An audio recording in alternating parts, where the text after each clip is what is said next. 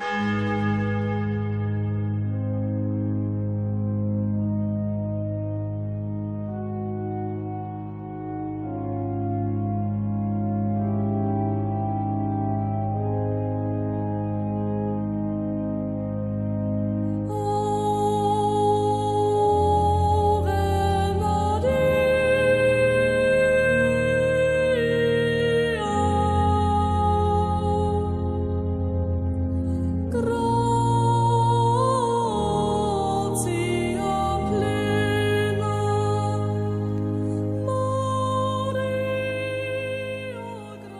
Jeg hedder Iben Tranholm, og jeg er katolik.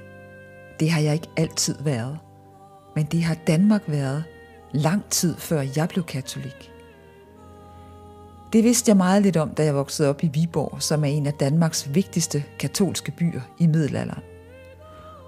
Og hvad jeg slet ikke anede noget om dengang, var, at jeg selv en dag skulle blive katolik. Derfor tager jeg nu på en rejse tilbage til det katolske Viborg – for at lede efter tegn, som jeg var blind for, da jeg boede i byen, men som kunne pege frem mod, at jeg senere bliver katolik. Jeg tager også til Ribe og Roskilde for at gå på opdagelse i hele Danmarks katolske fortid. For jeg tror, den gemmer på en arv, som vi har glemt, eller måske ligefrem fortrængt, men som vi har brug for i dag, hvor tro er noget, som mange er blevet fremmed overfor. Jeg håber, du vil lytte med, når jeg går på opdagelse i det katolske Danmark og er på sporet af den tabte tro og mysteriet om min egen konversion til katolicismen.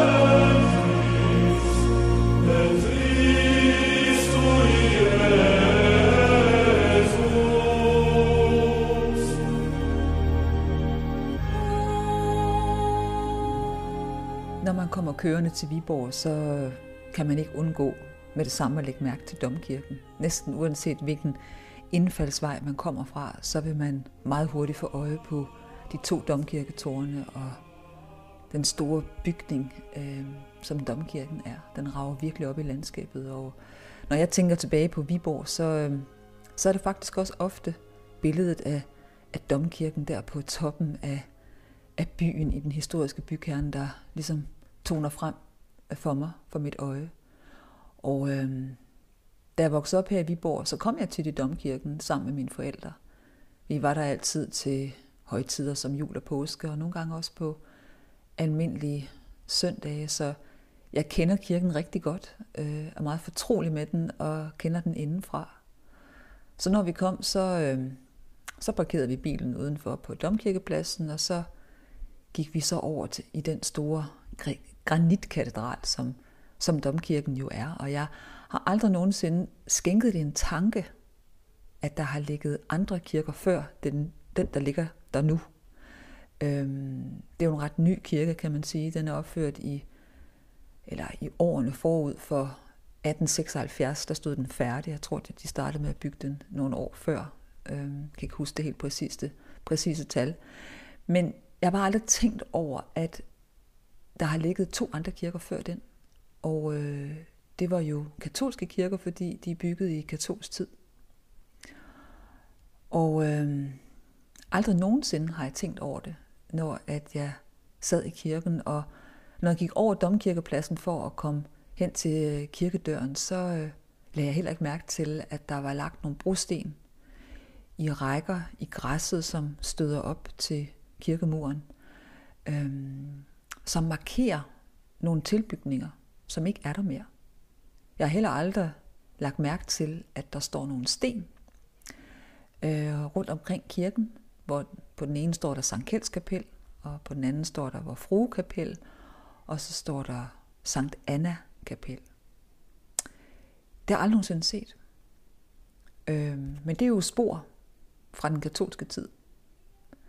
Så nu hvor jeg er kommet tilbage til Viborg, så vil jeg rigtig gerne finde ud af, hvordan at kirken har set ud, og hvilket liv der har været i kirken, hvis jeg var kommet her i 1300-tallet, som den katolik, jeg er blevet efter jeg forlod byen. Og for at finde ud af det, så øh, skal jeg mødes med Jesper Jermind, som er inspektør på Viborg Museum og middelalderarkeolog.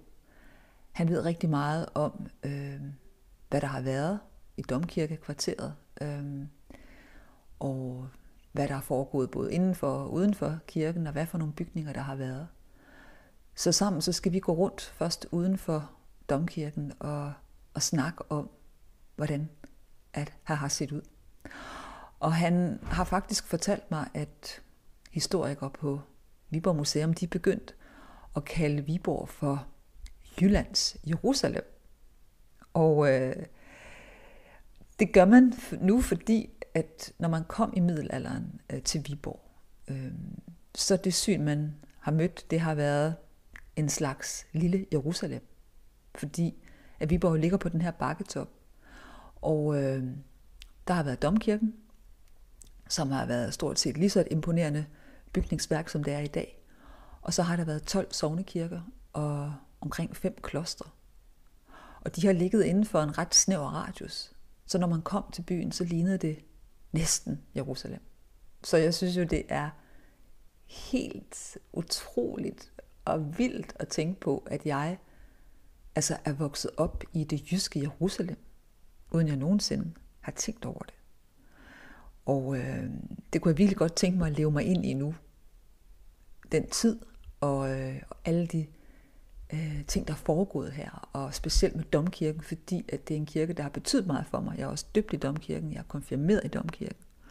Og det liv, der har udspillet sig der, øh, det kunne jeg rigtig godt tænke mig at komme og opleve nu som katolik. Og for at opleve det, så bliver jeg nødt til at gå tilbage i tiden.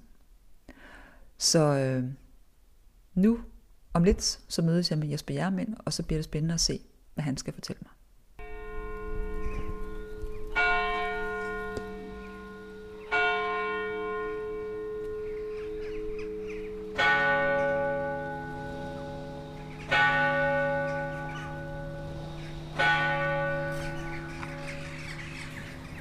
Hvis jeg nu havde været katolik i 1300-tallets Viborg, hvad for nogle kirker var jeg så gået i? Hvor kunne jeg være gået til messe? Hvor kunne jeg gå hen og bede? Hvilke klostre ville jeg måske have søgt hen i? Og hvad for nogle mennesker ville jeg have mødt? Det har jeg spurgt museumsinspektør Jesper Jermin om, som er middelalderarkeolog øh, og arbejder på Viborg Museum. Hej Jesper. Hej hej, og velkommen tilbage til Viborg og tilbage i tiden. Ja, tak skal du have. Jeg glæder mig meget til den her rejse. Vi ja. står her på Domkirkepladsen foran øh, Viborg Domkirke, som jo er en granitkatedral, ja. som blev færdig i 1876. Men der har jo ligget adskillige eller flere forskellige kirker før det. Ja, det har der. Altså går man helt tilbage til, hvor vi får bispesædet i, i Viborg, og det gør vi i årene omkring 1060, så påbegynder man selvfølgelig en kirke. Den har vi ikke, formodentlig ikke nogen spor af. Øh, det kan jo godt, godt have været en trækirke, det kan også godt have været en såkaldt frødsindskirke, altså bygget af kildekalk. Så har vi måske indirekte spor af den næste kirke, som kommer der en gang op i, i 1100-tallet, der påbegynder man så altså en ny kirke. For derovre ved Kjelds Kapel, hvor vi skal over om lidt, der er fundamentet lidt skævt. Og det er egentlig ikke helt unormalt ved mange af kirkerne, vi har i Danmark, også af landsbykirkerne, at man eventuelt havde en ældre kirke, og så byggede man så den nye kirke uden omkring den gamle kirke. Det gælder også for, for, for trækirkerne, hvor man påbegynder koret, men så starter alt selvfølgelig med koret og med aldret og med, med helgengraven midt i aldret deroppe. Det, det er meget vigtigt, at det foregår på den måde. Men hvis jeg så. havde stået her i 1060, ej, lad os nu rulle frem til 1300-tallet, for det er ja. det, vi er blevet enige om. Det er der, hvor, mest, hvor man kan sige, at Viborg er virkelig på sit mm. højdepunkt mm. som katolsk by og som jo er en af de vigtigste katolske byer i Danmark i middelalderen. Hvis jeg havde stået lige her på Domkirkepladsen øh, og kigget over mod, nu kigger vi over mod Domkirken, mm-hmm. hvad havde jeg så set? Jamen, du har set en, øh, en kirke, som øh, han har sagt, på, på sæt og vis ligner den, vi står og kigger på. Øh, man påbegynder den jo i granit, men inden man er færdig med den, vel en gang op i 1200-tallet, altså den, der blev revet ned i 1860'erne, altså forgængeren for den her, så kommer den gode teglsten jo til. Teglsten er jo smart. Det er jo en klat ler, der bliver formet i en kasse og brændt. Så det er nemt at lave byggematerialer. Så store dele af domkirken, dengang, den gamle domkirke, den stod i tegl, og det gjorde den også dengang, man brød den ned. Så du har altså set granitstenene, du har set de røde tegl, blandt andet herhen på tårnet, vi kan stå og kigge over på. Og også når man kommer ned på apsis, altså den handrunde mod øst, har der også været tegl op toppen. Og lige her over for os, der har jeg så været øh, Kældskapel. Skal vi ikke gå derover? Jo, lad os gøre det. Så nu går vi så hen over Domkirkepladsen. Her ved siden af har vi jo den gamle Vestre Landsret, for den er jo flyttet nu, og det er jo et imponerende bygning, fordi Viborg har jo altid været det sted, hvor at man helt fra tidlig tid øh, blev enige om, hvad der skulle være landets lov. Øh, så på den måde, jeg har lavet mig fortælle, det kan du måske bekræfte, at grunden til, at man tog vigtige beslutninger i Viborg, det var fordi, at det her helt fra hedens tid var et helligt sted. Ja, det siger man, og det er jo noget, man, man snakker meget om. Det, det, det, det ligger lidt i navnet. Altså, den gamle, det gamle navn for, for Viborg, det var Vi Bjerg, altså Vi Bergum på, hvad hedder det, latin. Og efter 1313, hvor vi får Borvold, borgen hernede, så skifter navnet rent faktisk fra Vi bjerget til Vi borgen, altså borgen, der ligger dernede.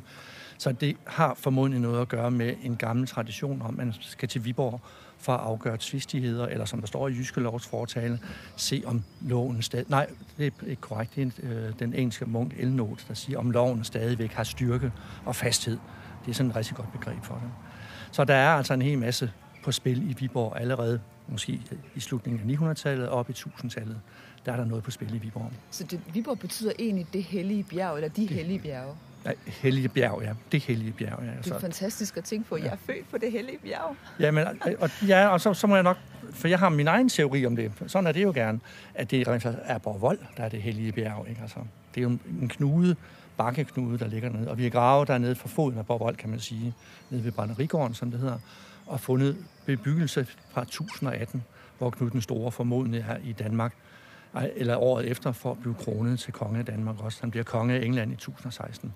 Så, så der er altså noget i svang, og da vi gik og gravede dernede og fandt nogle fantastiske fund, også nogle meget højstatusfund, som vi kalder det, altså, så står man og kigger, hvorfor ligger man det nede på en eng, i stedet for at lægge det heroppe? Ikke? Der er også blevet gravet meget heroppe. Ikke? Altså, hvorfor har man så lagt det dernede, tror du? Jeg tror, det, det, er, det er nærheden til Borvold, som jeg tror er tingsted, det gamle tingsted og det gamle kongehyldningssted, det er nede på Borvold. Elno, det var ham, jeg nævnte før, munken nede fra, fra, hvad hedder det, fra Tyskland, han skriver jo altså også, at øh, der er et vidt berømt sted midt i Jylland, et højt bjerg, Kampens bjerg, og han har flere forskellige betegnelser i ental. Og det tror jeg altså er Borvold. Men for nu at runde af, det kunne også godt være her. Altså, Borvold for mig, det var jo bare stedet, hvor man gik ned og fik en is om aftenen. Ja, Nemlig helt Altså, ja. der var legeplads, og der var iskiosk, og det var utrolig hyggeligt. Og der fik man simpelthen øh, isvafler med forskellige slags is og masser af ja, guf. Ja. ja. Så det er ligesom mit forhold til Borgvold. Det er ja. simpelthen is og en sommeraften. Ja, men altså, for, det er en teori, og det må der mange af, og øh, hvad hedder det, det kan ændre sig igen. Ikke? Altså, man, man kan få nye idéer til det. Ikke? Altså, men, men, men det er også et godt bud, hvor, hvor det kan være sket. Men det er i hvert fald et, et sted, som har haft utrolig stor betydning for, hvordan landet har formet sig. Det kan man sige, ja. Altså, det, det er der, hvor man, specielt her, her i Jylland, ikke? Altså, øh, hvor alle folk skulle til, altså også senere i historien, altså blandt andet til, til ting. Senere hen, der har vi også det her store, øh, de store hvad hedder, markeder, snapstingsmarkeder, hvor man fornyer sin, sine lån, øh, hvis man har optaget et lån det gjorde man også dengang, jamen så skulle man så enten betale det ud, eller skulle man optage nogle nye lån. Og det foregik også i Viborg. Du kender godt begrebet, når vi sidder på værtshus, eller sad på værtshus, nede på Latinoly i gamle dage. Og så spillede man jo tænkeboks. Og når du havde vundet en omgang, og jeg havde vundet en omgang, så skulle vi altid til Viborg. Så spiller vi til Viborg. For nu er det uafgjort. Du skal have afgjort det her, ikke? Og så spiller vi til Viborg, ikke? Og det gør man altså også over i København. Jeg, jeg har hørt det på Københavnske værtshus også. Altså, jeg har drukket øl på latin og ly, men jeg har aldrig spillet det. Har du aldrig, har aldrig spillet tænkeboks? Nej. så har du omsat heller ikke tabt øl. så det har jeg til gode. Ja. Men nu står vi her ved Sankt Kjelds kapel uden for Domkirken. Og der er jo så nogle brosten, der er lagt ned. Er det for at markere, hvor kapellet har det er det, ja. har været der, før? Der, der er blevet lavet udgravning hernede i... Så, så nu bimler klokken også. Øh, I, øh, ja, det må næsten være helt tilbage i 60'erne, nej 70'erne har der nok været gravet man hernede, for at finde Kjeldskapel. Og det man også var, var lidt ude efter, det var, om man selv kunne finde bisp Gunners grav, som er en meget berømt bisp, biskop, vi havde i Viborg. Uh, han er blevet berømt, fordi at, øh, da han døde, så var der en, øh, en, en broder op på, på Viskø Kloster, Cistercienserklosteret, og ved Lykstør, der sætter sig ned og skriver om hans liv. Han var ikke nogen helgen. Han beskriver bare Biskunder, som har været et begavet menneske, øh, bliver næsten 100 år, 99 år gammel, dør i 1251, så vidt jeg husker, øh, hvor han er 99 år gammel. Og han er også berømt, han er berømt øh, af flere ting. For det første, man har den her levnedsbeskrivelse, eller, ja, levnedsbeskrivelse af ham. Men øh, også fordi, at øh, han er jo nævnt øh, som en af medunderskriverne af Jyske Lov. Og der vil den viborgensiske selvfølelse jo gerne have, at det stort set er Bisp der har skrevet loven. Det er nu nok ikke korrekt, men han har været med til at lave loven. Det er helt korrekt, ja. Men Sankt Kjelds kapel, ja. hvilken funktion har det haft? Det har haft det, at øh, Viborg har jo sin egen lokalhelgen, øh, ja. som bliver bliver det, skrinlagt eller overført i, i nej, han blev, han blev vel kanoniseret i 1150. Og det foregår via Absalon, ærkebisk Absalon over i Lund. Lund er jo, er jo ærkebispesædet. Lund og Skåne var en del af Danmark i middelalderen. Og øh, da, han, da, han så, da man tager hans ben og lægger over i arken, som man kalder det, kalder det altså et kæmpestort, en meter langt stort træskrin besat, beslået med koverplader forbundet med billeder på, og med dragehoveder i enderne. Det har været helt fantastisk skrin, det her. Det har man ikke længere? Nej, det brænder desværre. Da kirken brænder i 1726, så brænder skrinet altså Men havde man uh, Kjelds relikvier indtil da? Så var de der i. Altså, de, altså de hans lå der, ben, hans knogler? Hans, hans knogler simpelthen, ja. Hans kranie, hans tænder, hans ribben og hvad der nu ellers måtte være. Ikke alle sammen, for det er lidt skægt. Det skal vi snakke om senere. Den store relikviersamling, som hvad hedder det, domkirken havde. Der står nemlig direkte, at der er altså også noget af Sankt Kjelds ben og tænder, så vidt jeg husker. Altså.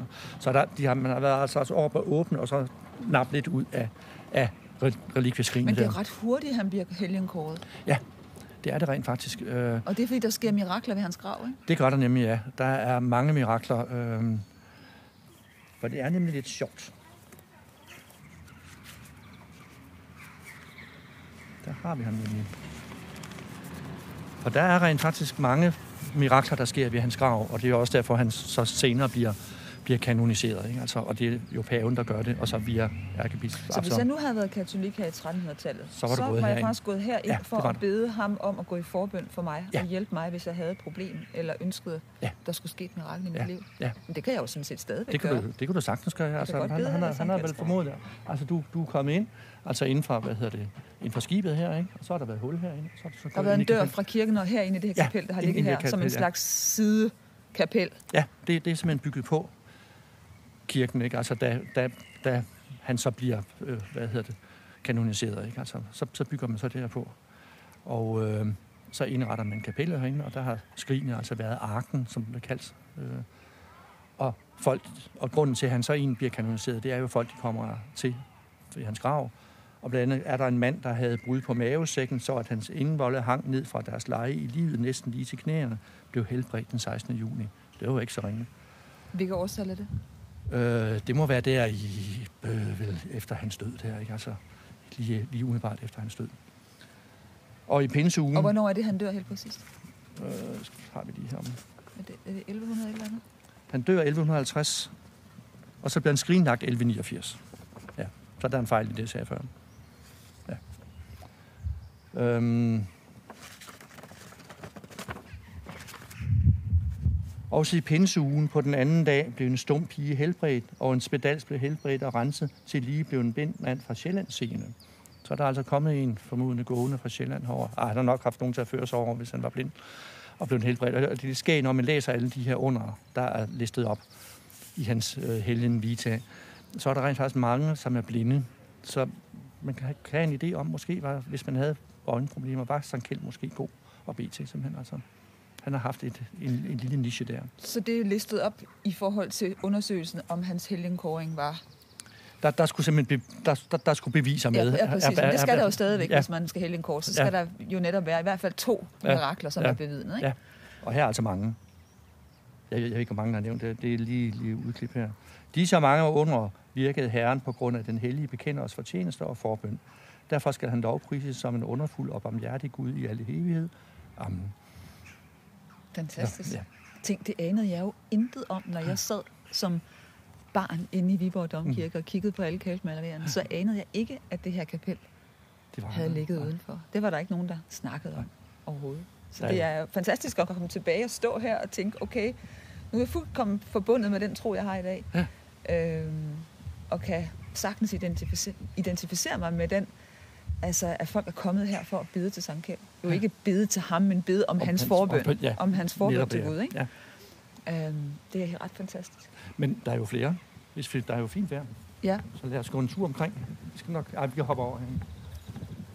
Fordi den jord, vi går på nu her rundt om Domkirken, altså, hvad har det været så i 1300-tallet? Har det været det har... klosterjord eller kirkegård, eller hvad har det, det været? Det har været kirkegård. Det har været gudsageren, som man også kalder det. Altså, der har simpelthen været kirkegård, der har været små, lave græsture, hvor de begravet lå. Ikke? Nogle steder har der måske været et stenkors, nogle steder har der måske været en flad sten. Vi kan se en, der ligger heroppe, en såkaldt romansk gravsten med et processionskrucifiks på hugget ind, der viser sig hernede under lån død. Altså.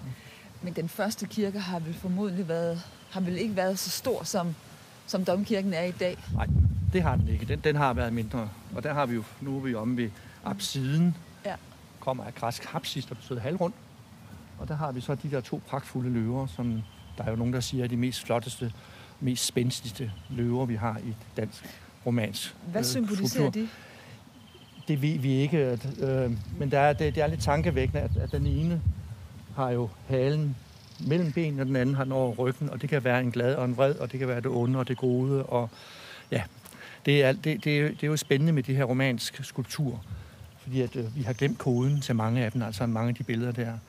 Der er en også hen på tårnet, hvor der er en, en, en basilisk, altså en, en, en lille drage og en hare. Og jeg, jeg aner simpelthen ikke, hvad det betyder. Men den ene løve, den ser... Øh, jeg ved ikke, om man kan sige, at den ser glad ud, men den anden her ser ud som om, den er, den er mere den er i kamp. mere aggressiv, ikke? Ja. Den har sådan... Altså, vi har, vi har selv katter derhjemme, ikke? Den, den har poten op, kløerne ude, ikke? Med den der bevægelse der, ikke? Altså, så det har vi med kampen mellem det gode og det onde ja, at gøre? Ja, det kunne det godt være. Og så er der så fint heroppe der har vi jo den gifte kvinde med sit hovedlin, hun har tørklæde på, ikke? Det har jeg aldrig set før. Og så har vi så manden over ved siden af, ikke? Altså, altså det er flot foran vinduet ind mod det, der så der er, er alderet bag ved alderet, ikke? Bag, bag ved alderet, Så sidder der to øh, sten ansigter ja. øh, på hver sin side ja. af, af det store gotiske vindue. Ja, Hvad romanske rundbuede vindue, ikke? Altså. Jo, men den, ja. man kan sige, den, den, det høje, det er jo lidt... Ja, ja det er selvfølgelig det er rigtigt. Det er ja. mig, der står og kløder i det. Ja. Det er romansk. Ja. Og hvad så øh, med de to? Der er mand og en kvinde. Der er en mand og en kvinde, ja. Og igen, men det kunne jo være Adam og Eva, ikke? De første. Og som sidder og kigger ned over søen, ikke? Altså, over mod over Lund, så at sige. Men det kunne være Adam og Eva, ikke? Altså. De er så fine. Ja, det er meget imponerende. Ja. Men vi har mere, mere herom, og der kan vi så kigge ned til krypten.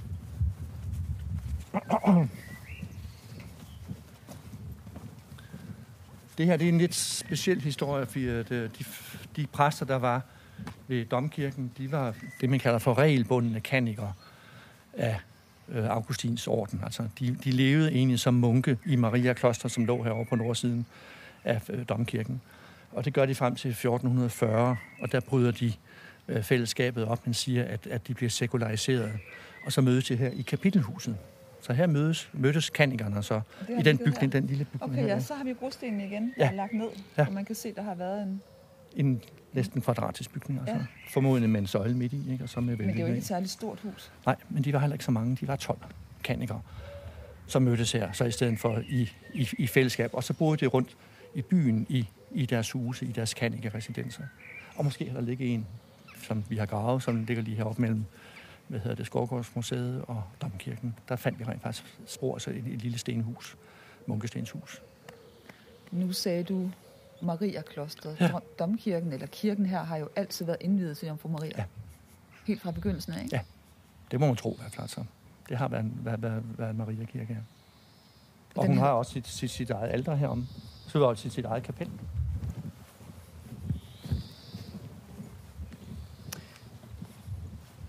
Og kirken hedder jo stadigvæk Vor Frue, selvom ja. det ikke er noget, der sådan bliver nævnt så ofte, at Viborg Domkirke hedder Vor Frue. Nej, altså, men øh, som, som sådan, så... Oh, oh. det var ikke smart, det der. Ja, som Sankt, sådan. Sankt Anna Kapel, det er, ja, jo, det, det er jo Jomfru Marias mor. Ja. Og her har vi så Vor Frue Kapel. Ja, ja det er og, lige ved øh, siden af. Ja, og det er jo et, et kæmpestort kapel.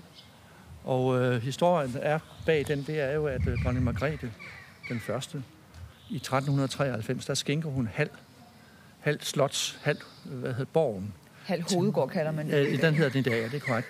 Den skænker hun jo til Viborg bispen mod at den nedrives, og materialerne øh, øh, genanvendes til vor kapel, og så bygger man det her kæmpe store kapel. Og øh, så er der yderligere står der også, at så skal der til evig tid læses en messe for hende og hendes familie og øh, børn og hvad det Altså hver dag? Hver, nej, ikke, det, det kan jeg rent faktisk ikke huske. Det, det er rent faktisk det, du er sikker på. Men der skal i hvert fald være, være, være messer for hende og hendes familie ikke? til evig tid. Og det er også det, vi snakker lidt om. Det, det er jo så lidt, lidt spøjse med, at øh, så kommer reformationen. Ikke? Hvad, med, hvad med de løfter, der var? Hun har betalt for, for, for det. Hun har betalt for det, og, og sidder nu egentlig forhåbentlig ikke nede i skærsin og venter på, at der skal ske en forløsning på den måde der. Ikke? Altså. Men det er jo ret interessant, du siger det, fordi hun jo helt klart har haft den tro, at det var vigtigt, også efter døden, at der blev sagt messe ja. for, eller læst messe for hende, og, ja. og folk blev ved med at bede for hende, ja. hvis hun skulle ind i skærsilden, eller ja. hendes forældre skulle. Ja. Og det er jo stadigvæk katolsk tro. Ja. Øh, man kan stadigvæk bede om at få øh, læst en messe for en afdød. Ja. Så det er jo helt normal praksis stadigvæk. Ja. Ja. Men altså, man kan sige, det blev så afbrudt for hende. Det gjorde det lige pludselig, så sagde det jo klip, ikke? Altså, og, øh, jeg sidder og, og skriver på noget om, om øh, Gråbrødrekloster her i Viborg. Og der, det, er jo, det er jo nu ikke fra, fra Viborg Gråbrødrekloster, men der er også lige efter reformationen, er der en mand, der henvender sig til et andet Gråbrødrekloster, og siger, jamen den kalk, som han skænkede til et alter, den han have tilbage igen nu, ikke? For nu er der ingen, der læser messer for ham mere. Altså. Og det er jo faktisk en fair nok. Man, man har ikke opfyldt kontrakten, ikke? Så at sige. Men hvad med dronning Margrethe, den første øh, forhold til Viborg? Øh, betyder hun noget for byen? Jamen, det, det gør hun jo. Øh, for det første ville hun jo altså have lavet vores frue kapel, ikke? Altså, Lavede og, hun ikke det i andre byer? Var det kun her, hun, øh, det ved jeg altså rent faktisk ikke. Øh, man kunne også godt forestille sig, at hun måske lavede noget i Roskilde, men det ved jeg rent faktisk ikke. Men hun har så åbenbart tænkt, at det her var et vigtigt sted. Jamen også det, og øh, også, øh, hun har jo også, ved vi jo, et, et, et, sit eget hus, som lå heroppe på den nuværende Nytorv i middelalderen. Der var det jo Sankt Hans Kirke og kirkegård, der lå deroppe. Og der ejede hun et hus øh, i, fra ja, dengang i 1400-tallet. Så jeg kunne godt have mødt Margrethe den første her? Det kunne du godt, ja. Har måske endda have været i kirke sammen med hende? Det kunne du også godt, ja. Det kunne du godt, ja. Det er jo fascinerende ja. at tænke på, at hun har gået rundt her. Ja. Margrethe den første. Første, ja. Så hun får altså bygget det her, hvor frue kapel. Ja. Og så ved siden af har vi så Sankt Anna kapel, det er Jomfru Marias mor. Ja. Som også har haft sit eget kapel. Ja. Men har der været flere kapeller til andre helgener om kirken? Øh, nej, det har der ikke været. Der, der, er altså, der er de her to kapeller, men der har været massevis af aldre inde i, inde i kirken. Altså øh, selvstændige alter rundt forskellige steder. Altså. Men udover domkirken, så var der jo adskillige sovnekirker i Viborg på det tidspunkt. Hvor det mange var, var der? Der har været 12. Mindst 12. Og hvor, mange, ligesom, og hvor mange kloster? Øh, fire. Altså, der var jo et kloster her, ikke? Så var der et Augustin- og nonnekloster nede ved Budolfi Kirke, som vi aldrig har fundet spor af, altså kirken dernede. Så har vi Gråbrødrene, og så har vi Sortebrødrene, og så har vi derudover øh, Johanniterne. Så virkelig er det jo altså fem fem klostre. Ikke? Altså. Men det vil jo sige, at Viborg stort set kun har været kirker og kloster. Det var, det var ikke nogen særlig stor by i Nej, og det er, er rent faktisk en stor by. Og det, og det, det, det, det er der en speciel historie til. Altså det, det har noget med, at man pludselig befester Viborg med, med vold og grav. Og, og den befæstning, man så laver, den giver lige pludselig byens størrelse. Uh, og det foregår på den måde, at uh, ingeniørsoldaterne rundt har fundet de højeste områder i Viborg for at bygge en vold deroppe på. Ikke? Altså, så sparer man en hel masse kræfter. Så det er rent faktisk en meget stor by. Og det er også derfor, at johanitterne op i 1200-tallet kan få en forholdsvis stor byggegrund i den nordlige del af byen. For der har ikke været beboelse, har jeg sagt. Men hvor mange så... mennesker bor der i Viborg, vil du skyde på, der i 1300-tallet? Åh, det, det, puha. det er rent skud. 3.000. Men i forhold til vores byer, så er det jo ikke en stor by. Nej, det er der måske middelalder. Det, det var det dengang, ja. Det var det dengang. Men det er alligevel rigtig mange kirker til 3.000 mennesker. Vi er, vi er fuldstændig enige. Det er mange kirker, det er mange kloster, og så derudover så var der også en Sankt Jørgensgård, der var et Helligåndshus, der var nogle kapeller også. Øhm, så der har været mange, ja, så domkirken i sig selv. Det, det er du fuldstændig ret i.